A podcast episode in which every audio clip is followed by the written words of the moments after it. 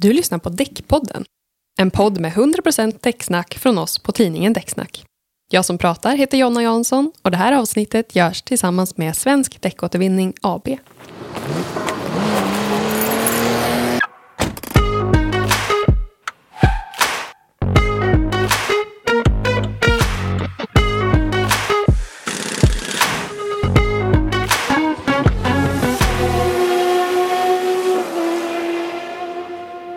Varje år blir runt 90 000 ton däck för gamla eller för slitna för att få fortsätta att användas i svensk trafik. Svensk Däckåtervinning är det bolag i Sverige som ansvarar för insamling och återvinning av de här däcken. Och här för att berätta mer om hur insamlingen går till, vilka tillämpningar som däcken används i och hur möjligheterna för ökad återvinning ser ut i framtiden så har jag Fredrik Ardefors, VD på Svensk Däckåtervinning. Varmt välkommen hit. Tackar. Och det här ämnet är ju aktuellt bland annat eftersom att det kommer en ny förordning om producentansvar här alldeles strax och för att också ni på Svensk Däckåtervinning håller på att ta över återvinningen i egen regi med start 2023, vilket ju är ett jättestort arbete som vi kommer berätta lite mer om här idag. Hur känns det för dig, Fredrik, som ändå är vd för hela det här arbetet? Det känns fantastiskt. Eh, det här är ju en banbrytande sak som vi gör faktiskt. Vi har gått igenom hur däckåtervinningen ser ut i hela världen. Mm. Eh, vad det finns för möjligheter och svårigheter. Och så har vi nu riggat en helt egen hybridlösning kan man säga. Där ansvaret ser ut på ett annat sätt än i många andra länder. Men där vi ska skapa mer värde, mer materialåtervinning och mindre export av uttjänta däck än vad det är idag. Mm. Ja, det är ju ett väldigt stort ansvar som ni har på era axlar med att liksom årligen se till att de här 90 000 tonnen däck kommer till användning i andra tillämpningar efter att ha tjänat ut då i sitt ursprungliga syfte. Um, hur känns det liksom att ha det ansvaret? Ja, men det känns bra, det känns naturligt och, och eh, däckåtervinningen är ju reglerad i Sverige sedan 1994 då förordningen om producentansvar kom. Mm. Och den i sin tur är ju en del av den cirkulära ekonomin. Eh, där vi försöker att använda det material som vi har, de produkter som redan är satta på marknaden, eh, ett varv till, eller två varv till, eller tre varv till. Eh, och däck är inte så lätta att göra nya däck av. Så därför så använder vi materialet som återvunnet i andra applikationer. och på så sätt avlastar vi planeten från nyuttag och det känns ju väldigt bra. Mm. Ja, det kan jag verkligen tänka mig. Ehm, men skulle du vilja berätta lite grann just lite mer om hur återvinningen av däck ser ut idag? Ja, systemet är ju som sagt reglerat eh, i form av ett producentansvar. Så att alla som sätter däck på den svenska marknaden. Och då tänker man ju tillverkare, men det har vi inte så många kvar i Sverige. Mm. Eh, men också importörer. De måste vara med i ett system där däcken sen samlas in och återvinns. Eh, och det är Svensk Däckåtervinnings roll. Så att vi finansierar det här genom att vi tar ut en avgift på alla nysålda däck. Och det är 16 kronor för ett personbilsdäck plus moms. Mm. 100 kronor för ett lastbilsdäck och 1000 kronor för stora däck. Eh, och de här pengarna använder vi då traditionellt till att upphandla tjänsten att åka ut på verkstäder, återvinningscentraler, och andra platser och hämta uttjänta däck. Köra dem till en anläggning där de återvinns och kommer till ny nytta. Eh, den här återvinningen den har ju också flera steg eh, och skiljer lite grann beroende på om det är små däck eller stora däck. Stora däck är så svåra att eh, hantera så då får man köra stora maskiner. Men de flesta däck de går i en däckklippmaskin och så blir det först klipp som är ungefär 20 centimeter stora. Och så kan man köra det ett eller två varv till och man kan sikta ut olika storlekar av det här klippet. Och det har väldigt spännande tillämpningsområden, men traditionellt så används det mycket för energi.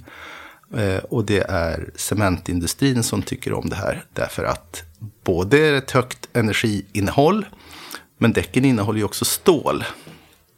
Och stålet vill de ha i sin process när de gör cement av kalk. Så de får liksom allt i ett genom att använda däck som bränsle. Mm. Istället för att behöva använda stål på, liksom till, lägga till ja, det. Ja, precis. Eh, sen har ju cementindustrin också en utveckling där man går kanske mer mot biobränslen och, och elektrifiering. Så att det är ett av skälen till varför vi också vill göra mera materialåtervinning. Men det är fortfarande en väldigt viktig del och vi tillför ett stort värde eh, i den tillämpningen. Det finns också traditionell energiutvinning i form av kraftvärmeverk som eldar för att man ska få upp temperaturen på våra hushållssopor. Eh, de, är för, de är för blöta och det är för lite energivärde helt enkelt när man ska elda dem i kraftvärmeverket. Så man behöver tillsätta bränsle. Och då är det bättre med däck än med fossilt nytt bränsle. Däremot så är ju det spännande område som vi då tittar på också är det här med materialåtervinning. Och där ser vi att däckklippen är en väldigt outnyttjad resurs. Det passar att eh, eh använda det som dräneringslager till exempel, därför att det fryser inte och det släpper igenom vatten. Det är lätt, så att man kan ha det som en lätt fyllnad. Lättare att transportera än krosssten. Mm. Men det är också så att med en särskild behandling på ytan så kan vi få fosfor att binda till gummiklippet.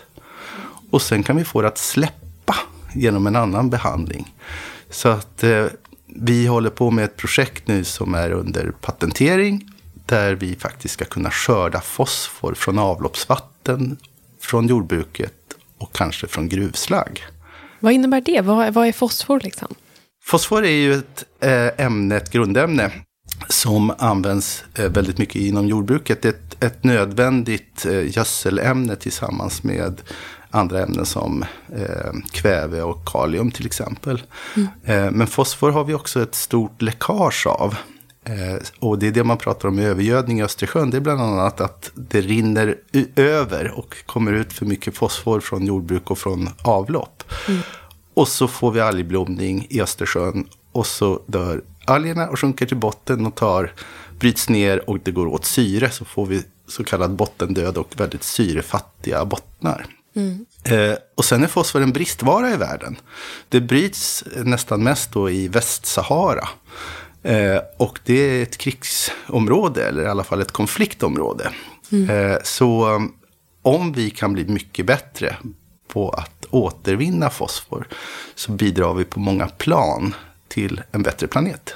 Mm. För att återkoppla till materialåtervinningen då så finns det ett steg till vad gäller storlek på materialet. Och det är när man tar klippet och mal ner det till ett granulat. Mm. Och det är små svarta korn eh, av däck och så får man ut stålet. Eh, stålet kan ju gå tillbaka till stålindustrin så det är jättebra. Och så får man ut textilen. Och där tittar vi också på hur vi ska kunna använda den. Till exempel i spånskivor och i betong som armering. Men gummit eh, är väldigt intressant och det har ju använts på konstgräsplaner.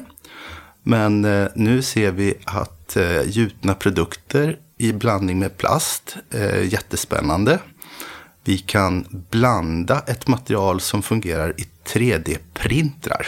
Ja. Så vi kan alltså skriva ut tredimensionella saker med det här materialet. Men det är alldeles i sin linda.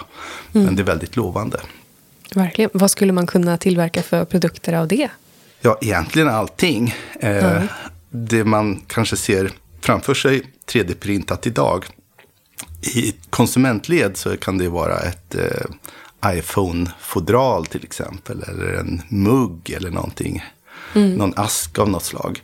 Eh, men industriellt så finns det jättemånga applikationer också. Så fort det blir lite komplicerat eh, och eh, geometrin blir svår att gjuta så passar det utmärkt att printa. Mm. Men vi ser möjlighet att göra stora saker. Vi har på kontoret både pallar och ståbord som är utskrivna i skrivare av vårt material. Eh, och från det så kan man tänka sig komponenter till fordon. Man kan tänka sig eh, eh, alla möjliga saker egentligen, både industriellt och, och för konsumenter. Och då skapar vi också ett värde för det här mm. materialet. Som tidigare mer har setts som ett avfall. Men som faktiskt kommer till ny nytta på det här sättet. Mm. Och vad häftigt att man verkligen kan använda det på, i så många olika tillämpningar. Ja, det är verkligen spännande. Och eh, sen kan man säga att det finns också kemiska processer att bearbeta det här materialet. En är pyrolys, där man då ändrar tar fina klipp eller granulat och så förångar man dem. Och så får man ut då kimröken ur däcken, oljan, man får ut lite gas, stålet och textilen om det är kvar. Mm. I separata delar. Och då är man nere på en sån nivå att man kan föra tillbaka kimrök till nya däck. Oh. Och oljan, om den är av god kvalitet, kanske också kan användas till däck i framtiden. Mm. Eh, och en annan process heter devulkanisering. Och det är att man bryter de svavelbindningar som finns i, i däckets långa kolkedjor. Eh, och vulkanisering är ju någonting som man gör eh, för att materialet ska bli hållbart och formbart. Och, och det, det moderna gummit bygger helt och hållet på den här vulkaniseringen. Ja. Uppfanns för övrigt 1839, så det är en mm. ganska gammal uppfinning. Mm. Men det gör också att det är väldigt svårt att återanvända gummit. Eh, mm. och, och, att gjuta om det, därför de här bindningarna är så starka. Ja, för just vulkanisering, det handlar väl mycket om när man väl skickar in det i ugnen och det ändrar form. Det liksom sätts ihop, ja, det däcket. Det, det sätter ihop alla ingående ämnen. Och mm. Ett modernt däck kan innehålla över 150 olika små tillsatsämnen, mm. spårämnen, för att få de här egenskaperna som vi söker. Med våtgrepp och med lågt rullmotstånd och nötningsbeständighet och så vidare. Mm. Men det här sitter då fast via vulkaniseringen och genom att devulkanisera så bryter man det här och då öppnar man upp materialet för en inblandning i en ny, ett nytt däck eller en, en ny blandning. Mm. I alla fall till en viss procent. Eh, så att devulkanisering är också en, en intressant sån här kemisk process. Så vi har alltså ett spann från att använda egentligen hela däck, till exempel stora däck som fendrar till att man klipper ner i olika storlekar, till att man granulerar och att man har de här kemiska processerna. Och så har vi alltid energiutvinningen som en exit. Ändra i början eller på slutet efter att man använt materialet några varv. Mm. Ja, vad häftigt. Att däck verkligen kan användas till så många olika eh, delar där. Men eh, för vilka egenskaper skulle du säga att, att däck har? Ja, det är ju otroligt många. Och det är mm. det som gör att det här materialet är så spännande. Mm. Det man tänker på först är kanske att det är elastiskt. Gummi, det fjädrar ju. Mm. Eh, och eh, om det är kompakt så är det förstås inte jättestor fjädring. Men det är lite och det eh, till exempel dämpar vibrationer och ljud. Mm. Eh, sen är materialet då väldigt tåligt mot, det, alltså det har samma egenskaper oavsett vilken temperatur det är. Så att det förändras inte jättemycket om det blir lite varmare eller lite kallare. Nej. Det tål mekanisk nötning, det tål UV-strålning. Så att mm. det ändrar inte egenskaperna heller så mycket över tid om det vistas ute i solsken. Det är förhållandevis väldigt tåligt eh, och det är samma sak då med den här nötningsbeständigheten som jag pratade om. Att här får man ett material som har en friktion, eh, mm. men som inte nöts så snabbt. Man kan tänka sig ett suddgummi. Mm. Eh, där har man ju friktioner och man använder det för att man ska radera lite blyertsstreck till exempel. Men man ser ju att det blir små gummiflagor eller korvar mm, ja. eh, också. Eh, där är däcket bättre än ett suddgummi. Helt klart. Eh, helt klart. Eh, och de här egenskaperna plus då som eh, jag nämnde med vattenrening. Att ytan kan förmås att, att binda olika ämnen. Det mm. kallas för en jonbytesmekanism. Uh -huh. så finns det egentligen oändligt många tillämpningar och, och, materialet passar också väldigt väl att blanda med andra material och, och gifta ihop sig till nya egenskaper. Mm. Så det här är ju en sak som vi nu jobbar med och jag vill påstå att vi ligger ganska långt fram i Sverige. Där vi har hittat uppfinnare, entreprenörer eh, som vi har stöttat på olika sätt för att utveckla sådana här nya lösningar. Och eh, det är definitivt framtiden för däckåtervinningen i kombination med de traditionella eh, avsättningarna, en del cement till exempel och, och annat. Men hur startades då Svensk däckåtervinning? Och när var det? Det var 1994. Och mm. den förordning som kom då var egentligen en konsekvens av kretsloppspropositionen. Kretsloppsproppen som man brukar säga i politiska sammanhang. Eh, och som eh, var ganska banbrytande för att man såg eh, behovet av att börja cirkulera material. Från början så var det ju väldigt mycket en nedskräpningsfråga. Att vad skulle man göra av däcken? Ja, man lät dem stå bakom ladan eller man i värsta fall kastade dem i skogen. Mm. Eh, och där såg man ett behov av, av, att göra ett system. Så Sverige var faktiskt först i världen med producentansvar på däck. Uh Sen kom Norge och Finland eh, och Danmark eh, efter det. Då. Men, mm. Och idag så finns det i 15 länder i Europa och det finns ett antal delstater i USA, Kanada, delar av Australien. Nya Zeeland är på väg att få producentansvar med mera. Mm. Men då eh, när förordningen kom så sa de stora importörerna att eh, det här måste vi lösa tillsammans.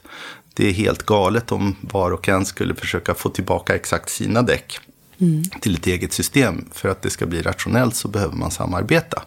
Mm. Och då eh, skapade man Svensk däckåtervinning. Så att eh, Svensk däckåtervinning ägs till 80 procent av Däckfälg och tillbehörleverantörernas förening. Och det är där vi har de stora däcktillverkarnas representanter i Sverige. 20 procent ägs av distributionsledets branschorganisation, Däckspecialisternas riksförbund.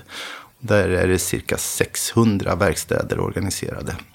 Eh, och från början så var det därför att eh, vi hade ganska mycket personbilsregumering. Och det är ju också en slags produktion av däck.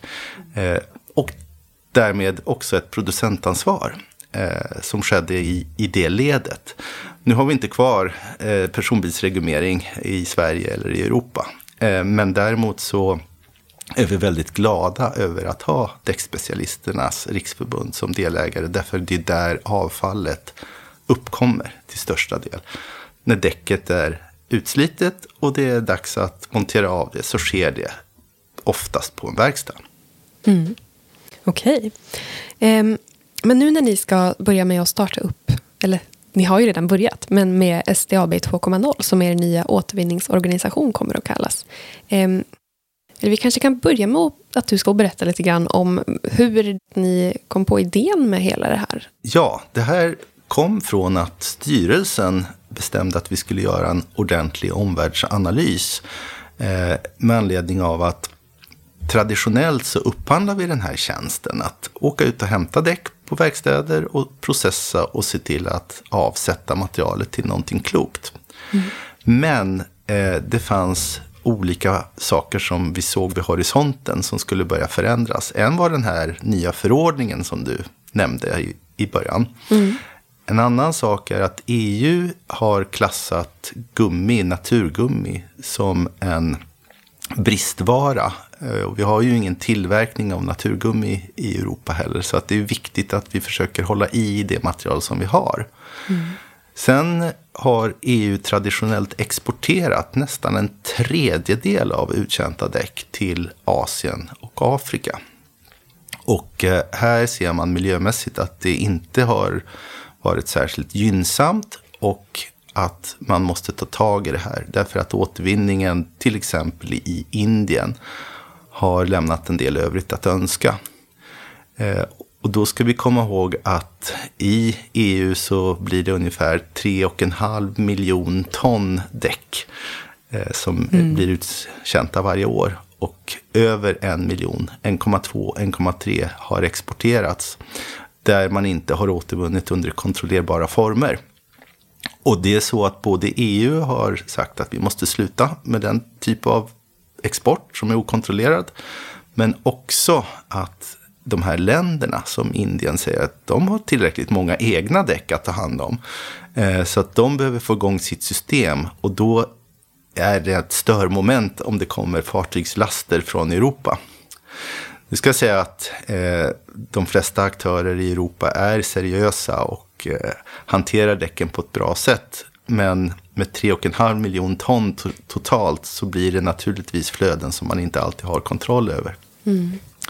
Så eh, den här bilden plus att lagstiftningen har blivit tuffare vad gäller återvinning.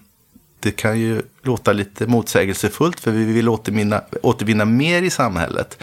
Samtidigt så har kraven på att man följer upp vad återvunnet material innehåller och att det inte är giftigt eller att det är farligt i sin nya applikation. De kraven har blivit tuffare.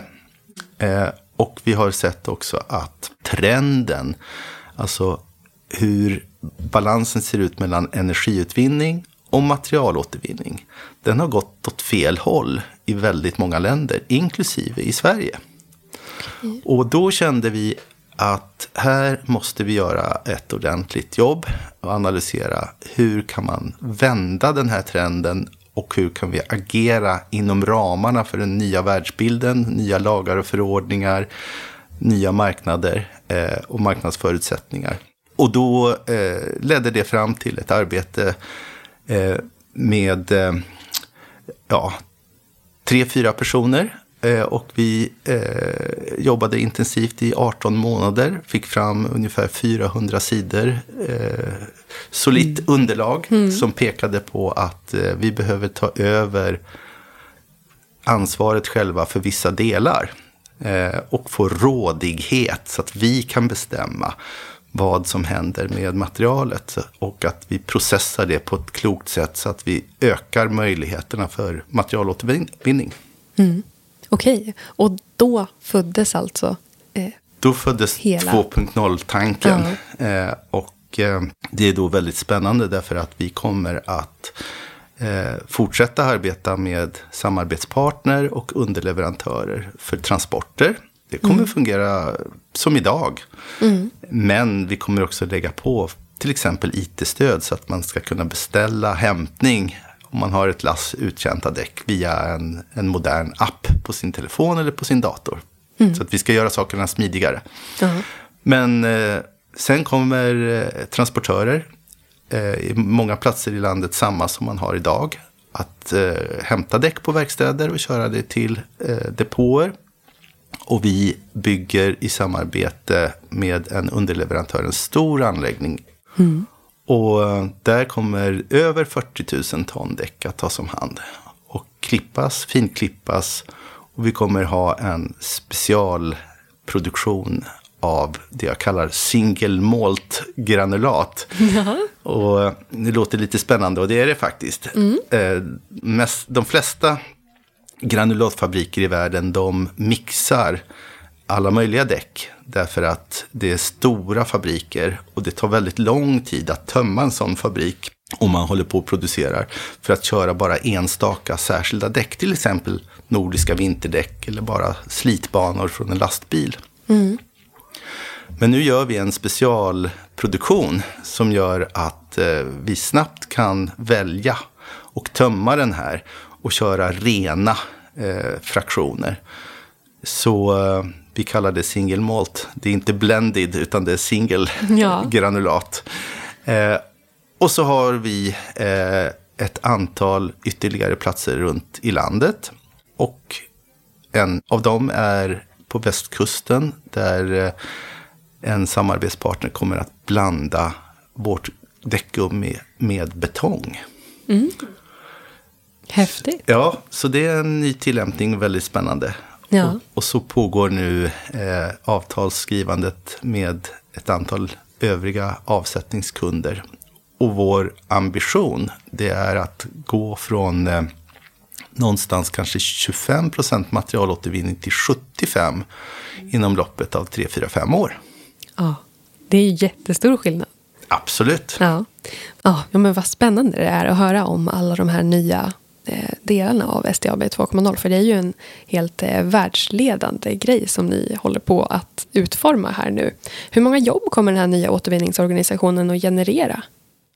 Ja, på centralanläggningen om man tar med både personal som kör produktionen men också eh, transporterna så ligger vi mellan 15 och 20 stycken.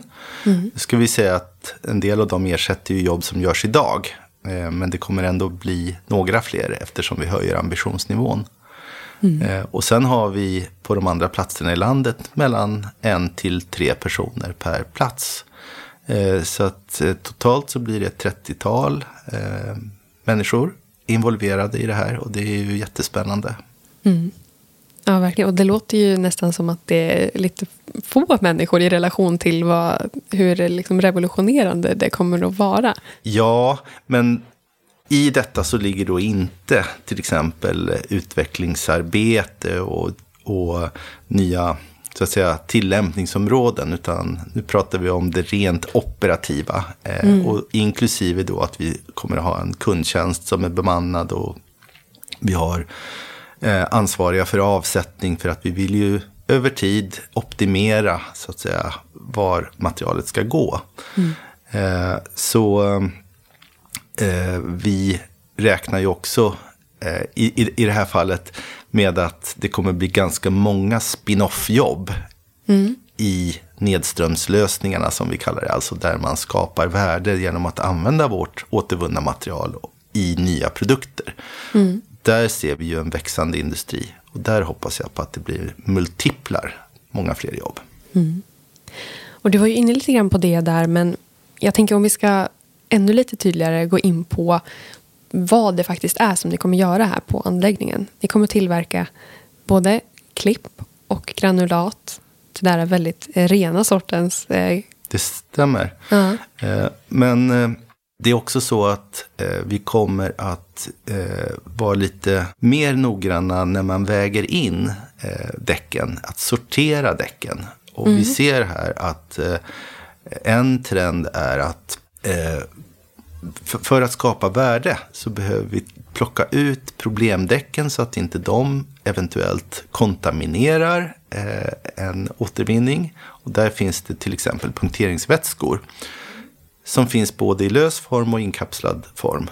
Och det finns brusreducerande däck som har ett skum invändigt som också släcker ut brus i däcket. Mm. Och de här typerna av däck är svåra att återvinna och det funkar inte att köra dem i däckklipparna. Mm. Så de behöver sorteras ut. Och det är vad jag kallar en, en defensiv utsortering därför vi vill inte ha in vissa typer av däck. Men vi går också mot en offensiv sortering där en däcktillverkare säger kanske att vi vill ha tillbaka våra däck. Eller vi vill att våra däck ska användas till en speciell typ av återvinning. Mm. Då ska vi eh, så småningom kunna erbjuda det och säga att ja, nu har vi plockat ut era däck. Mm. Eh, så att den här ingående sorteringen eh, är väldigt viktig. Mm. Men från det att man har sorterat och lagt upp då olika däck i olika follor eh, så kan man också mixa eh, vad som ska gå in i produktionen och grovklippas, finklippas och ibland granuleras. Mm. Det är till exempel så att eh, en viss typ av pyrolys vill ha en särskild blandning av personbilsdäck, vinterdäck, lastbilsdäck och stora däck. Mm. Och då betyder det, det är lite som att eh, eh, baka en kaka. Man måste läsa receptet och så måste man ta rätt mängd mjöl och socker och smör. Ja. Eh, för att det ska bli rätt kaka i slutändan. Mm. Eh, och det är ju en viktig del att vi kan göra det.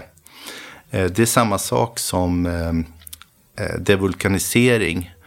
Där vill man väldigt gärna ha slitbanor från lastbilar idag. Därför mm. att det är ett gummi som är, eh, har mindre variationer än personbilsdäcksgummi. Mm. Så att det är lättare att hantera och att föra tillbaka till ny produktion. Mm. Eh, och då måste vi ju hitta på sätt att göra det, sortera mm. det, skära av de här slitbanorna på ett rationellt sätt och sen låta dem gå in i klipparna och i granuleringsmaskinen. Ja. Men du pratade lite grann där också om att vissa då typer av däck inte kommer att återvinnas. Eller kommer det finnas någonting, någon form som man kan återanvända dem i? Jag tänker just på då sådana med punkteringsvätska och ljuddämpningsskum inuti. Mm. Här dels så pågår det faktiskt experiment. Där man ska se hur man ska kunna klippa dem i alla fall. Mm, eh, mm. Men man får all, eh, hur man än vänder sig så, så får man in ytterligare ett ämne eller en substans som man behöver hantera. Som kan påverka var man sen använder materialet.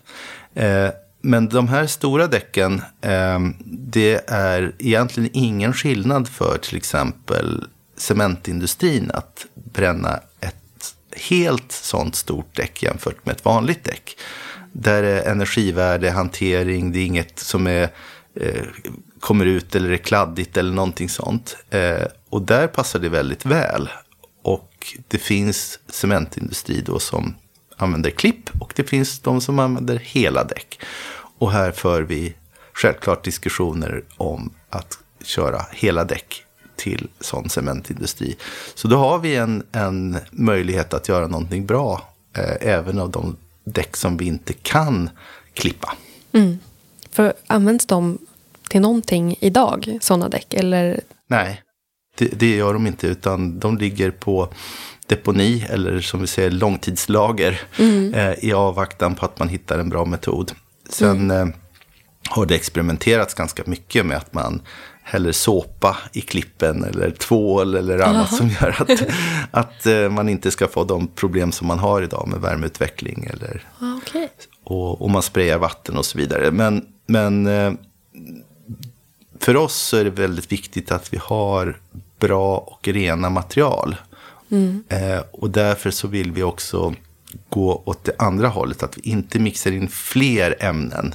Utan att vi istället tvärtom kanske som en, eh, en eh, köttbit. Att man eh, filear ut vissa saker eller man tittar på vad har vi, ska vi använda kotletterna någonstans och, och så vidare. Ja. Ja, precis. Ja, men det låter ju som att det kan bli eh, mycket enklare utav att man, man gör på det sättet.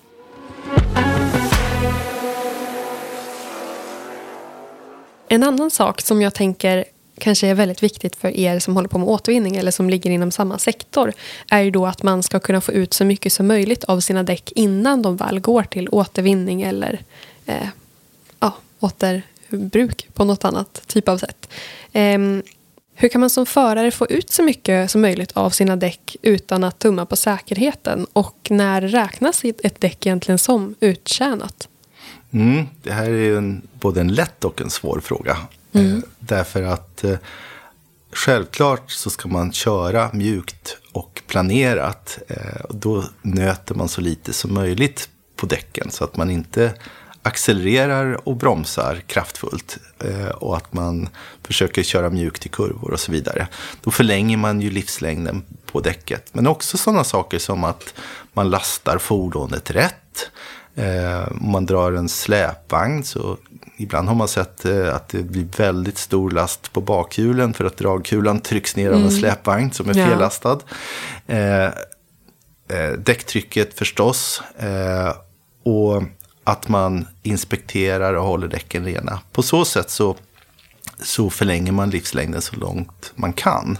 Mm. Eh, och det är naturligtvis jättebra. Sen har vi ett lagkrav på däck i Sverige att det är 1,6 mm på ett personbilsdäck. Som är vad lagen säger, under det så får man inte köra. Mm. Men eh, här beror det också på hur man kör och under, på vilka underlag man kör. Eh, till exempel om det är väldigt mycket vatten så behöver man ett högre mönsterdjup för att evakuera det här vattnet. Mm. Eh, än 1,6 mm för det mesta. Och visst är det 1,6 mm på sommardäck och 3 mm på det vinterdäck? Mm. Eh, och eh, därför så, så kan man också kompensera så att man kan köra, man kan slita däcken längre ner mot lagkravet. Om man kompenserar genom att köra långsammare och att vara försiktigare vid våt eh, vägbana till exempel. Eller om det är väldigt kraftigt regn. Eh, här kommer ju också fordonens eh, förarstödssystem in och hjälper till och varnar kanske då för halt väglag och, och, och så vidare. Eh, mm. Och i takt med att vi får mer och mer självkörande autonoma bilar så ja. blir det här också viktiga frågor. Eh, men eh, det är en liten glidande skala. Och det beror väldigt mycket på hur man tar ansvar själv. Men när man kommer ner under 2 mm så behöver man fundera. Och sen när man närmar sig den lagliga gränsen så är det ju definitivt läge att byta. Det är oftast naturligt att man tittar i samband med skiftessäsongen mm. mellan sommar och vinter. Mm. Eh, och då eh, får man oftast väldigt goda råd av den verkstad som man brukar anlita. I synnerhet om det är en verkstad som då är ansluten till branschorganisationen, däckspecialisterna som har en auktorisation och som också har avtal med Allmänna reklamationsnämnden om det skulle vara någonting. Eh, så att det är pålitliga partner. Mm. Ja, vad bra. För har ni något eget engagemang där för att öka, eller för att man ska ha eh, sina däck så länge som möjligt? Ja, Svensk däckåtervinning är ju en del av hela däckbranschen. Mm. Med de här nämnda importörs och distributörsorganisationerna. Och med den tekniska organisationen som heter STRO, STRO, mm. Scandinavian Tire and Rim Organization. Mm. Men i branschen så har vi många aktiviteter. En av dem är Däckrazzia som mm. vi gör tillsammans med NTF, Bilprovningen, Polisen. Och då kan man få i samband med poliskontroller en översyn av sina däck. Så man får veta status och man kan få tips och råd. Och det är ju ett sätt att både för oss att få statistik men också att kunna ge förarna eh, de här råden hur man sköter sina däck så de ska hålla så länge som möjligt. Mm. Sen har vi också en samarbetsplattform som är öppen även för andra än de nämnda. Där till exempel biltillverkare och försäkringsbolag, forskningsinstitut och, och myndigheter kan vara med. Och det heter Svenska däcksäkerhetsrådet. Och som namnet antyder så handlar det mycket om däcksäkerhet. Men en av arbetsgrupperna tittar just på gränsytan mellan säkerhet och hållbarhet. Mm. Och då kan man se till exempel att vissa krav på ett däck är motstridiga vad gäller säkerhet och hållbarhet. Ja. Till exempel om man har väggrepp eh, så betyder det att man har friktion. Och har man hög friktion så har man en risk för högt slitage. Tillbaka till det här suddgummit. Mm, ja, precis. eh, och eh, där kan det alltså vara så att ska man ha extremt hög eh, friktion så kan man få ett ökat slitage. Och då går kraven mot varandra. Mm. Men en sån sak som eh, lufttrycket, där samverkar eh, en sån parameter till båda de här på ett positivt sätt. Nämligen så att man får ett lägre eh, rullmotstånd och man får lägre slitage genom att ha rätt lufttryck. Och man får också förstås rätt väggrepp. Mm. Så, eh, och då finns det en stor mängd sådana här samband och parametrar som vi tittar på för att framförallt kunna informera förare och verkstäder, vad de ska rekommendera. För det kan också vara så att man använder däcken i, i olika eh, miljöer och olika sammanhang. Mm. Och att det är viktigt att man förstår då också vad sliter extra mycket eller vad påverkar säkerheten extra mycket. Mm. Ja, och det är väldigt intressant där just för att däck som alla tänk, tänkte jag säga i däckbranschen pratar om väldigt mycket att däck är ju en kompromiss mellan alla olika egenskaper där. Så ja, intressant ja. att ni också är med och verkligen eh, rotar i det, tänkte jag säga. Däck är definitivt en kompromiss. Och eh, de avancerade däckutvecklarna tittar ju på upp till 150 parametrar. Mm. Eh, och då är det sånt som hur krafterna rör sig och värmeutveckling i olika delar av däcket. Och det är friktion och det är vattenevakuering och, och mönsterskärningen och så vidare. Eh, så att det är väldigt avancerad teknologi idag. Eh, och det är mm. väldigt spännande. Eh, så kan man säga att från däckåtervinningens perspektiv så ställs vi ju oftast ändå inför att produkten är vad den är. Mm. Det, är eh, det finns höga ambitioner bland däcktillverkarna att göra hållbara däck och att använda förnybar råvara i däcken och så vidare. Men till syvende och sist så är det här stora globala spelare som väger samman de totala behoven och så blir produkten optimerad utifrån det. Och det är vad vi måste förhålla oss till. Mm. Och det måste vi ta hand om. Sen har vi en, en god dialog så att vi i möjligaste mån också får tidig förvarning om det skulle komma något helt nytt. Så att vi kan planera för återvinningen.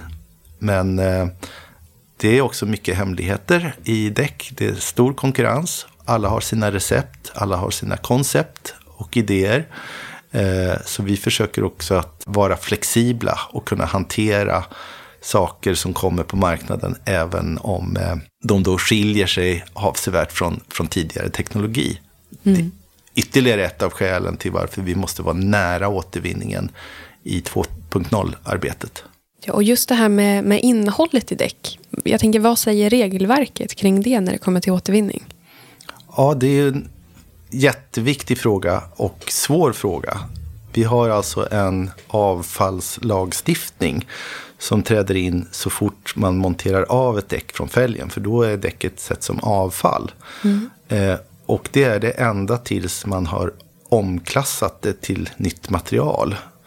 Och då, när man använder materialet så blir det en ny produkt och då går produktlagstiftningen in.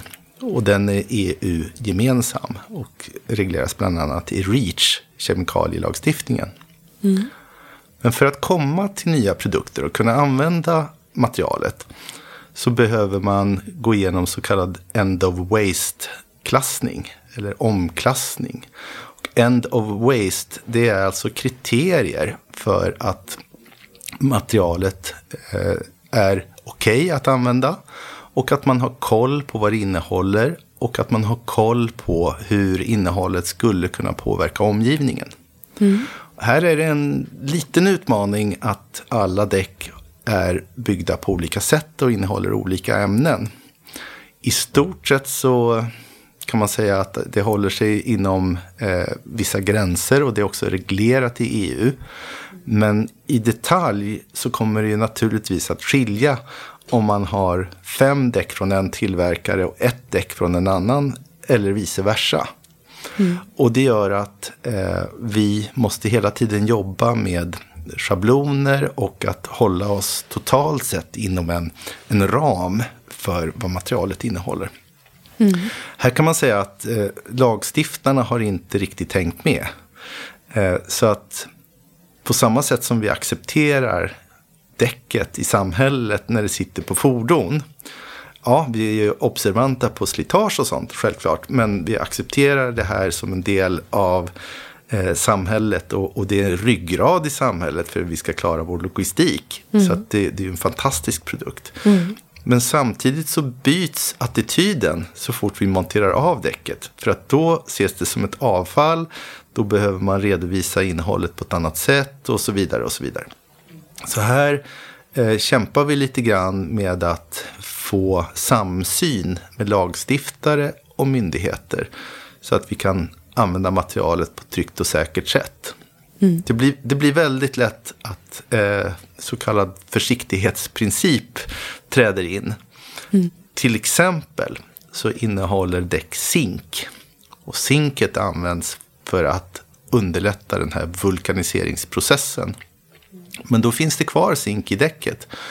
Och zink är ett fantastiskt ämne på många sätt och finns i alla våra celler i levande organismer.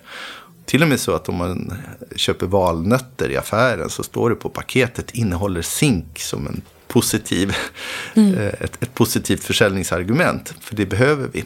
Mm. Det är också bra för immunförsvaret. Men zink är inte bra i akvatisk miljö. För vattenlevande organismer är väldigt känsliga för zink. Mm. Och det betyder att när vi återvinner materialet och använder det så vill vi förstås ha det på ett tryggt och säkert sätt, det vill säga på land och inte på vatten. Mm. Men lagstiftningen gör inte skillnad, utan den säger att oj, den innehåller zink, vilket skulle kunna vara ett problem i vatten, alltså får ni inte återvinna. Eh, Så vi måste få till gråskalor, vi måste få till nyanseringar i lagstiftningen. En av de sakerna då är att komma överens om nationella end of waste-kriterier för däck. Så eh, här ligger vi, industrin, före politiken. Och vi vill ha tydligare spelregler. Ja. många andra fall är det ju tvärtom. Ja, men precis. Men vad, eh, om man tänker ur eh, deras synpunkt då, de som, att de inte har lika bra koll. Vad är det de är rädda för med däck? Varför eh, går det långsamt inom det här end of waste-kriteriet?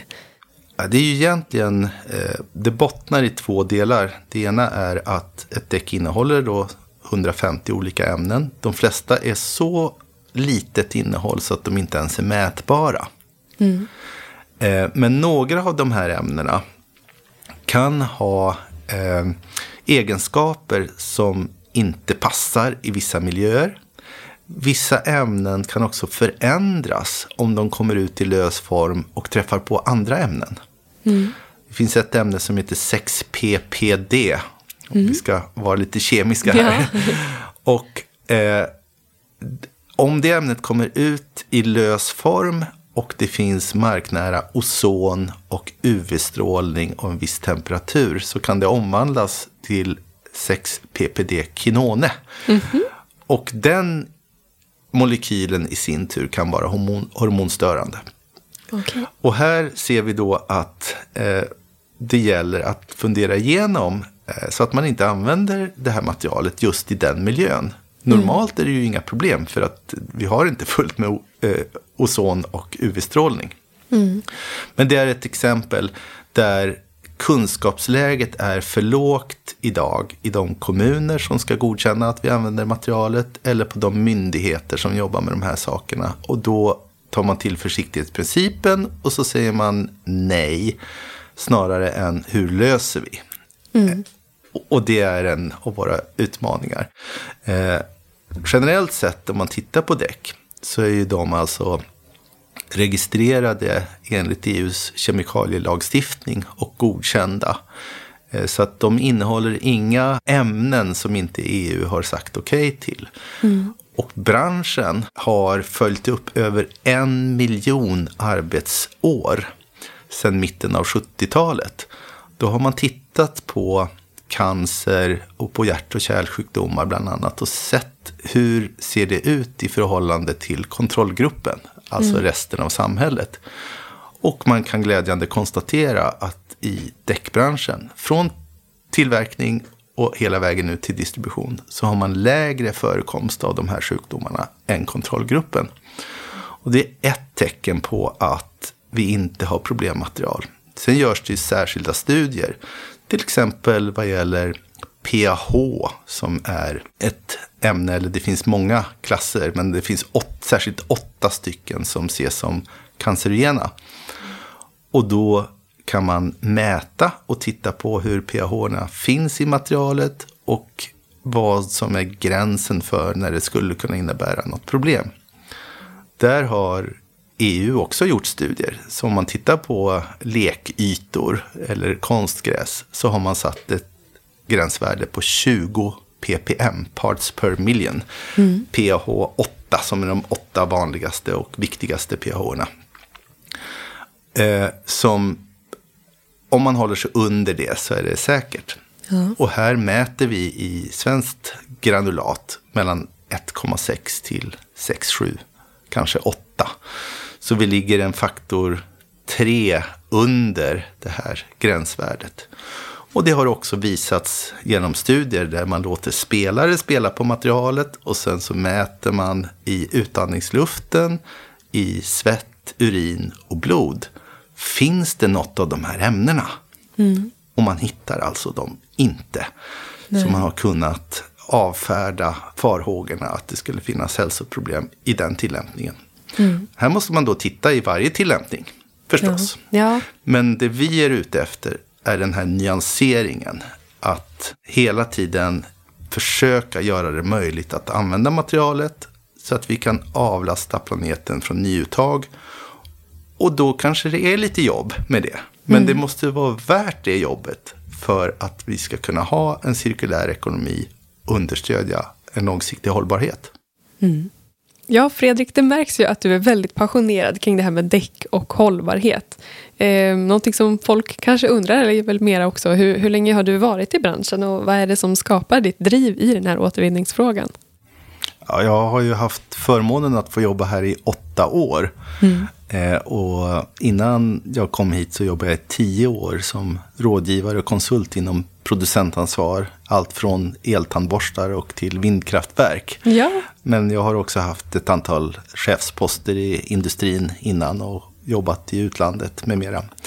Eh, Men jag tyckte att det var väldigt spännande med en produkt som alla egentligen har en relation till. Och som är eh, förutsättningen för vårt moderna samhälle. Eh, Så den finns överallt. Men väldigt få tänker på den, förutom när man måste köpa nya däck. Ja, det är lika kul som att precis. gå till tandläkaren. Ja. Men eh, vad ska vi göra med det här materialet? Eh, det är ändå 90 000 ton och det är över 20 miljoner ton i världen. Eh, och kan vi hitta ett bra sätt att använda materialet när andra knorrar och säger att det är svårt eller att det finns utmaningar. Eh, och just den möjligheten att, att se både den här eh, rynket på näsan och Ja. att vi har en produkt som faktiskt kommer att fortsätta finnas och som är så viktig i samhället. Det var ju oemotståndligt att få ta tag i. Eh, så att det är egentligen eh, grunden. Och ehm, vi ska väl hoppas att eh, vårt arbete också har en del ringar på vattnet. Eh, även till andra länder och även andra industrier. Vi har ju grundat det här också väldigt mycket i en vitbok för hållbarhet.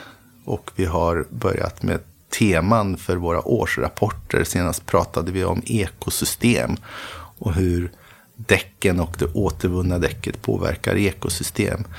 Och det här tror jag kan vara en inspiration även för andra branscher. Eh, och eh, förhoppningsvis också våra lagstiftare, politiker, myndigheter, media och vanliga medborgare. Ja, ja men verkligen. Och just få bort den här bilden på däck som någonting som kanske ses som ett eh, smutsigt svart avfall. Liksom. Så fort som du pratar om där, just att man, när man tar av det från fälgen så först vet man inte vad man ska göra med det längre. Stämmer, jag ser det som det svarta guldet. Ja, ja men precis. Det låter väl alldeles utmärkt. Men Fredrik, stort, stort tack för att du kom hit idag och pratade om det här väldigt viktiga ämnet med återvinning av däck Tack. och det svarta guldet. Tackar. Ja, och för er som lyssnar så hoppas vi att ni har en fortsatt bra vecka. Och så vill vi passa på att tipsa er om att gå in och prenumerera på vårt nyhetsbrev och även eh, följa oss i sociala medier så ser ni så fort det kommer ut nya poddavsnitt och andra viktiga nyheter för er i däckbranschen. Ha det fint! Hej hej!